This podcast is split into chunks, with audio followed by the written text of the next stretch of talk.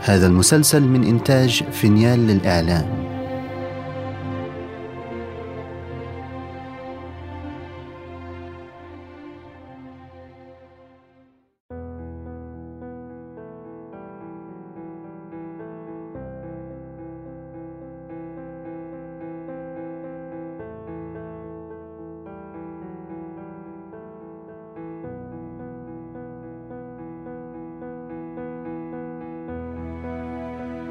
تعيش المدن طويلا. تعيش كأنها الأبد. أراكم تصنعون الحياة وتمضون لكنني اليوم سأصنع الحكاية والحياة معا. فأنا المدينة التي حملت في طياتها كثيرا مما لم يعرف عنها من الأحداث الكبرى. عرفتم بداياتي كمهد للديانة الإسلامية. وتعرفون حاضري كقبلة دينية للمسلمين حجا وشعائر اليوم. ولكنني لم أنسى كل ما حدث بين حينئذ والآن. والقصص بداخلي تثور وتتوق للخروج. اسمي مكة. وهذه حكايتي.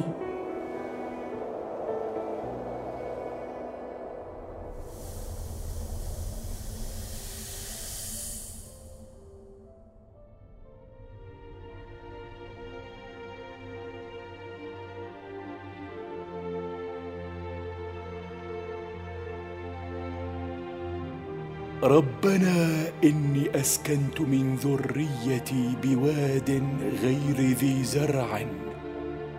عند بيتك المحرم ربنا ليقيموا الصلاة. فاجعل أفئدة من الناس تهوي إليهم. وارزقهم من الثمرات لعلهم يشكرون. إنه الصباح الهادئ الأول. بعد سنوات طويلة. شهدت صراعات كبرى. بعضها كنت قد أدركت له سببا والبعض الآخر لم أفهم ما سببه. منذ ألفي سنة قبل الميلاد وأنا أعرف بني البشر. أزعم أنني قد خبرتهم جيدا. فشاهدت أمجاد بعضهم وأفول بعضهم الآخر وتأملت المعجزات الكبرى والرسالة السماوية التي حملت بشارة النبي محمد صلى الله عليه وسلم.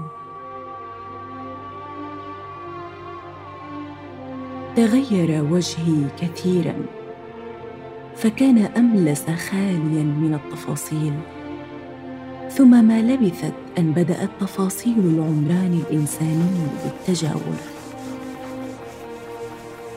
شهدت اللبنه الأولى لبناء كعبة الروض وتابعت باهتمام شديد مواسم الحج وتعاقب المعتقدات التي حادت عن مغزى وجود تلك الكعبة. حتى جاء الإسلام مبشرا ومنذرا. أرهفت السمع لتفاصيل التي تتشكل كمدينة جديدة. أزعجني الدم في أحيان. وأطربتني في كثير من الأحيان الأخرى أصوات التسامح والمحبة. فلن أنسى اليوم الذي نودي فيه بين انحائي يا معشر قريش ما ترون أني فاعل بكم؟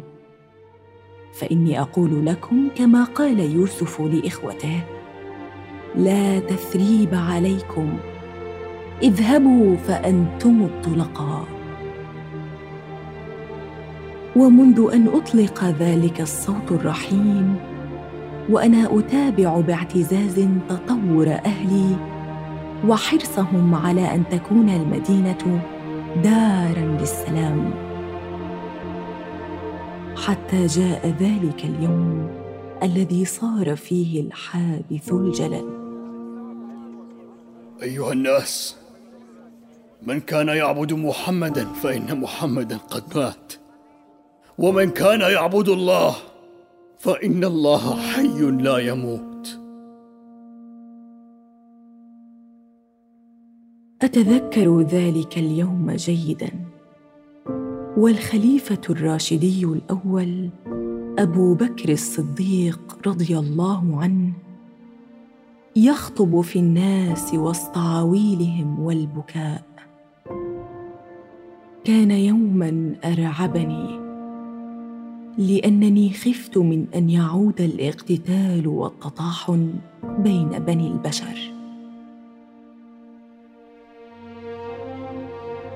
لكن الأمور بقيت ثابتة والخلفاء يعملون ما عمل النبي ويعلمون الناس ما تعلموا منه.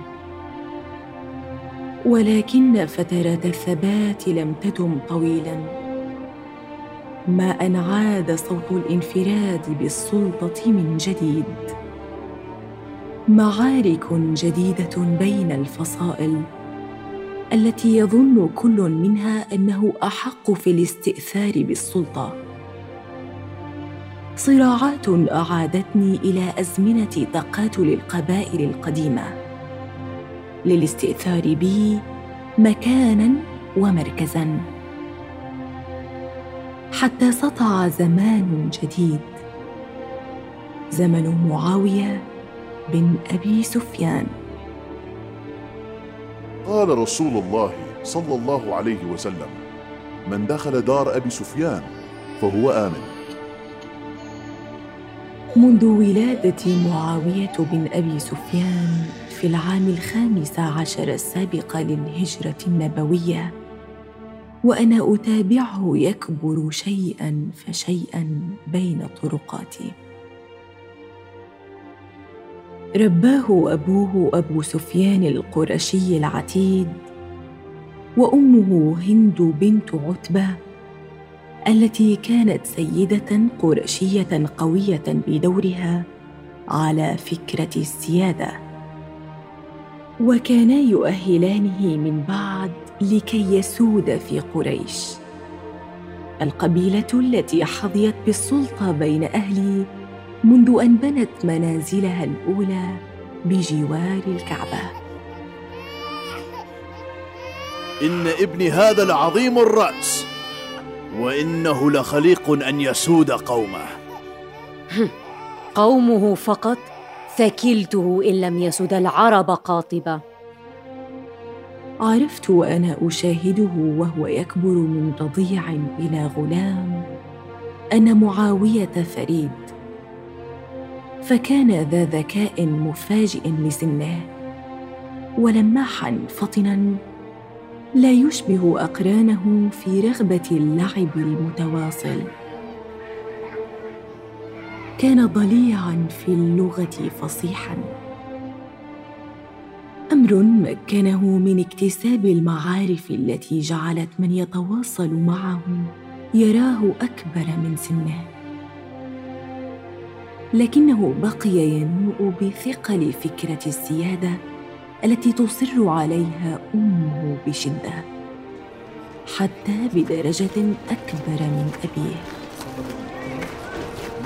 امشي منتصبا كما يليق بسيد يا معاوية.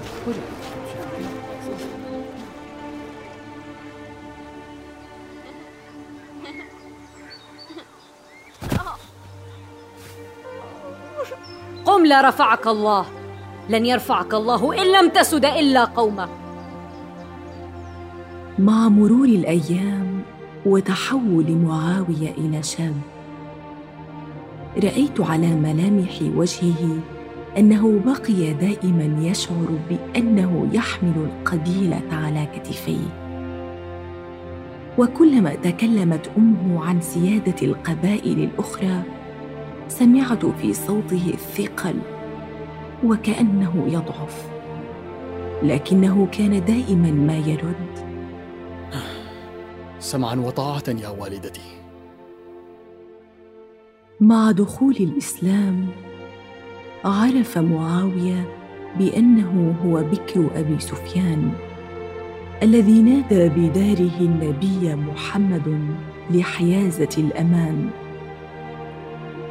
وبعد أن أسلم بقي له من الشباب الحظوة بين أقرانه فهو النطاصي باللغة الذي ساهم في كتابة الوحي. وكان مكمن الثقة في خلافة أبي بكر عندما قاد جيوش معارك الفتح. لا تتراجعوا! لا تستسلموا! قاتلوا! وأصبح والي الأردن ودمشق في عهد عمر بن الخطاب وعثمان بن عفان. أيها الناس اسمعوني!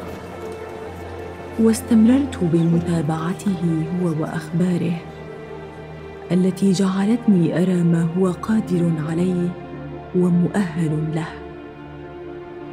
علمت حينها أنه سيكون له شأن كبير في التأثير علي كانت تصلني أخباره من المحادثات والهموس التي أسمعها من أهل أرضي مهما تباعد معاوية. وضمن الضجيج سمعت عن رفض معاوية لمبايعة علي رضي الله عنه. ثم عن الصراع الذي كان على وشك الاشتعال بينه وبين الحسن بن علي بن أبي طالب. أحسست بالريبة والخوف الذي غمر أهلي وملأ شوارعي بسبب خلاف مألوف لي. خلاف على السلطة. وبعد مشاورات طويلة ورسائل ذاهبة وآيبة حملت تهديدا من الحسن تارة ومهادنة من معاوية في تارات أخرى وحدة من معاوية في أحايين واستكانة من الحسن بن علي في حين آخر. أخيرا كان ان جاء النبأ. النبأ الذي عكسه الهدوء الذي استيقظت عليه يوما من السنة الحادية والأربعين من الهجرة.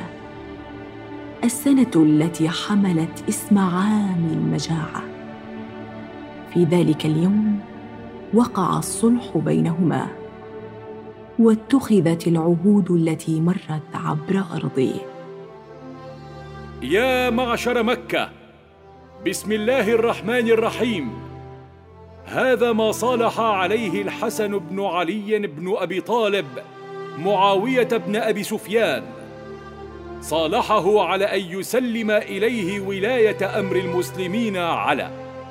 أولاً أن يعمل فيهم بكتاب الله وسنة رسوله وسيرة الخلفاء الصالحين.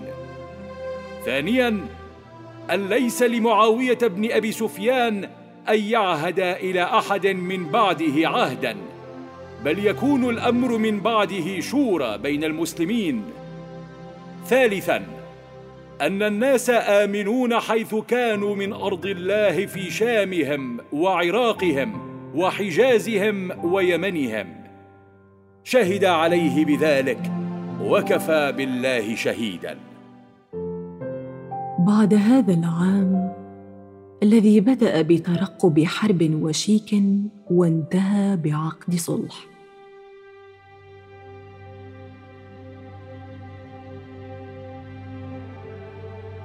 تغير موضعي قليلا وأنا أشهد بداية خلافة بني أمية كسلطة مركزية لدولة الإسلام. بفضل معاوية بن أبي سفيان. أصبحت جزءا من ولاية الحجاز التي ضمت إلى جانب المدينة المنورة والطائف. أخذت أتابع من هذا المنطلق ما تغير على أهلي. هل سيتأثرون بتغير مركزي؟ هل لن يعود لي ذات الزحام والضجيج والاستئناس الحيوي بالبشر؟ كانت هذه أسئلة بقيت أطرحها وأنا أتابع التحولات. كانت مواسم الحج قد اضحت شيئا فشيئا أكثر ازدحاما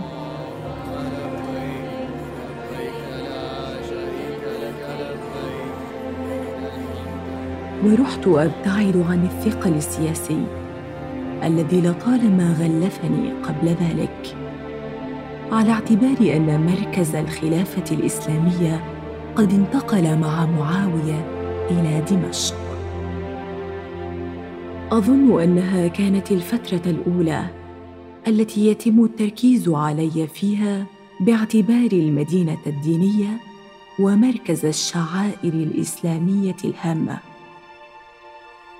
مكانة لم تفارقني حتى الوقت الحاضر.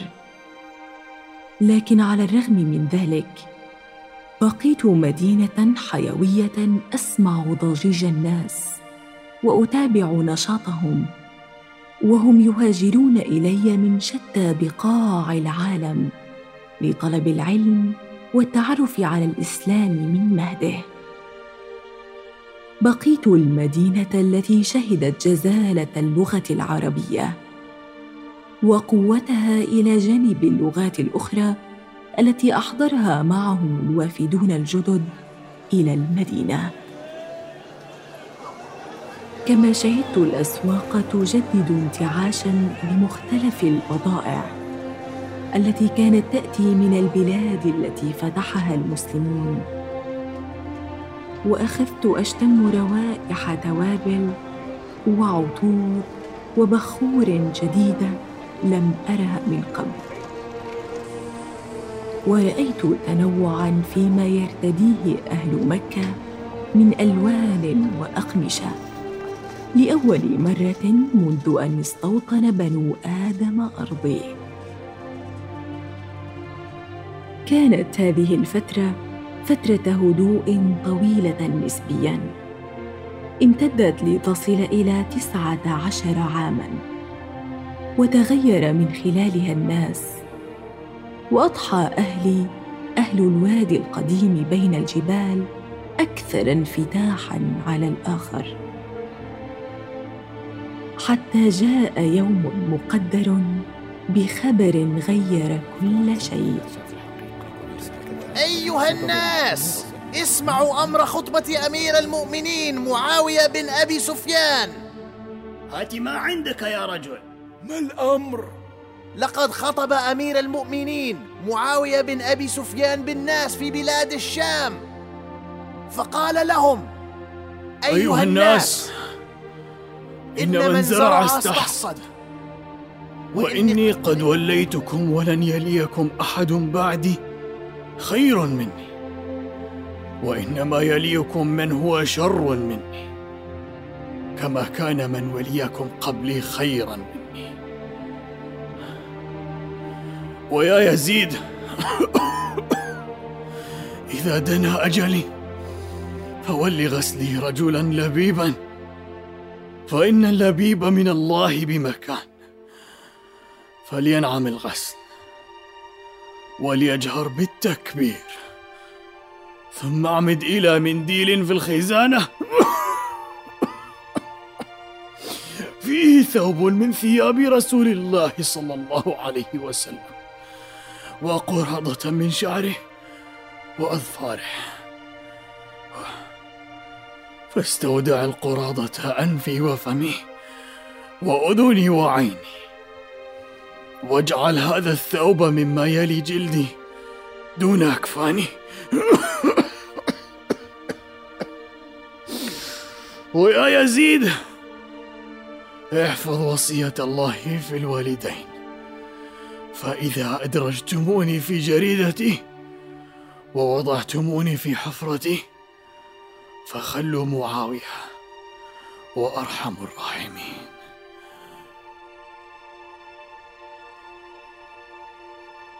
توالت أيام من الربكة بعد أن وصل شعبي خبر احتضار الخليفة.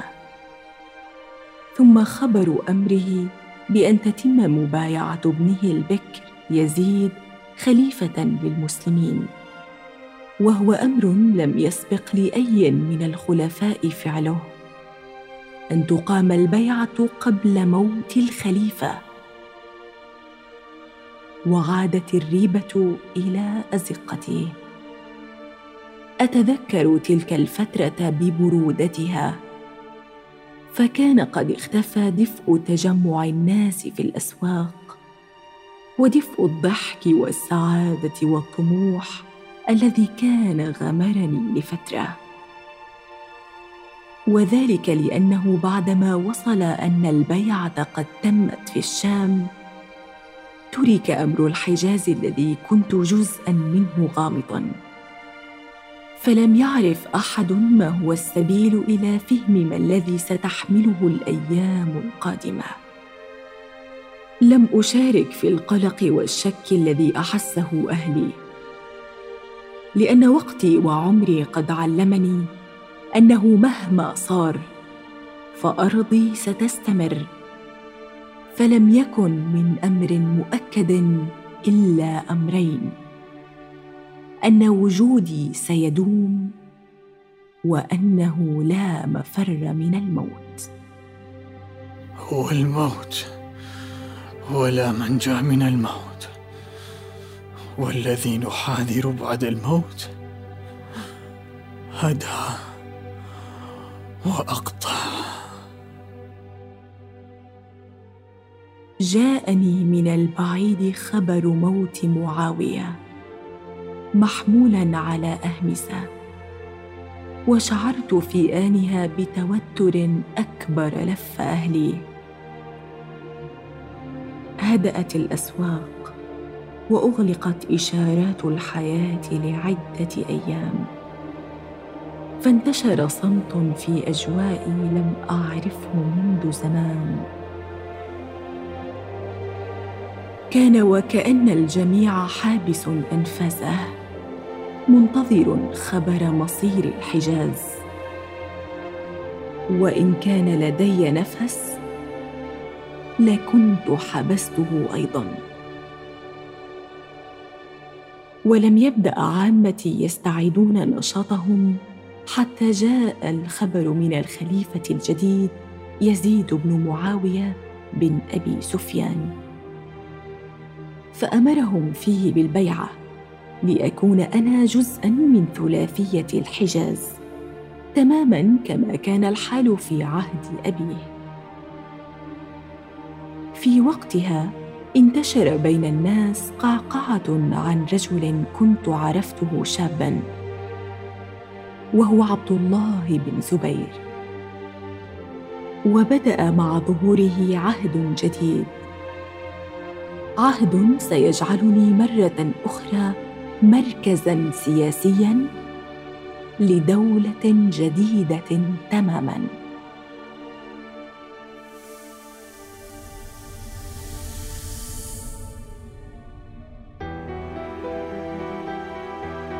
فتلاشى عصر وحلت مكانه حقبة جديدة. ولكن حكايتي لم تنتهي. فطالما يستمر الوقت بالمرور تنمو في داخلي فصول جديدة. وتسرد قصص أخرى عن مكة وما يحدث فيها.